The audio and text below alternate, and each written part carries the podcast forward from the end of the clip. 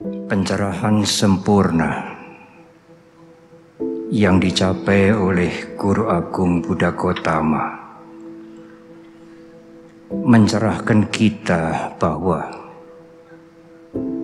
akar penderitaan dan berbagai persoalan kehidupan berada tepat di dalam pikiran kita permusuhan, pertengkaran, ujaran kebencian, terorisme, bahkan peperangan. Semuanya dimulai dari pikiran. Demikian pula kedamaian, keharmonian, dan kebahagiaan tumbuh berkembang juga dari pikiran. Pikiran yang dikuasai hawa nafsu keserakahan. Pikiran yang dikuasai kebencian dan arogansi akan menjadi kekuatan yang bisa menghancurkan siapa saja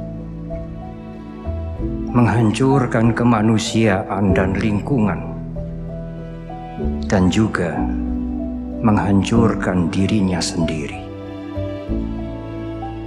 Akan tetapi, sungguh menjadi kemuliaan apabila pikiran tercerahkan oleh kearifan untuk tulus berbagi dengan cinta kasih dan kerendahan hati. Moral, meta, karuna, dan panya. Moral cinta kasih, peduli, dan tanpa keakuan akan memuliakan semua kehidupan dan mengangkat kualitas diri setiap orang. Guru Agung Buddha Gotama menyatakan, pikiran yang dilatih dengan baik akan menjadi sumber kebahagiaan. Bapak Penggali Pancasila Bung Karno memeras Pancasila menjadi satu ungkapan yang menjadi jati diri bangsa ini sejak berabad-abad silam.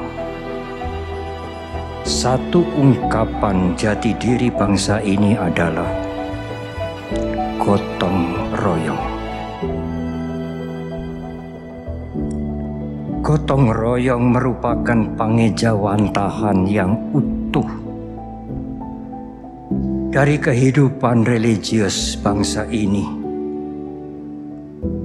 Dari ketulusan rasa kemanusiaan, dari hidup rukun sebagai bangsa, mengedepankan musyawarah dan peduli akan kesejahteraan bersama gotong royong sungguh menjadi nafas peri kehidupan di seluruh pelosok tanah air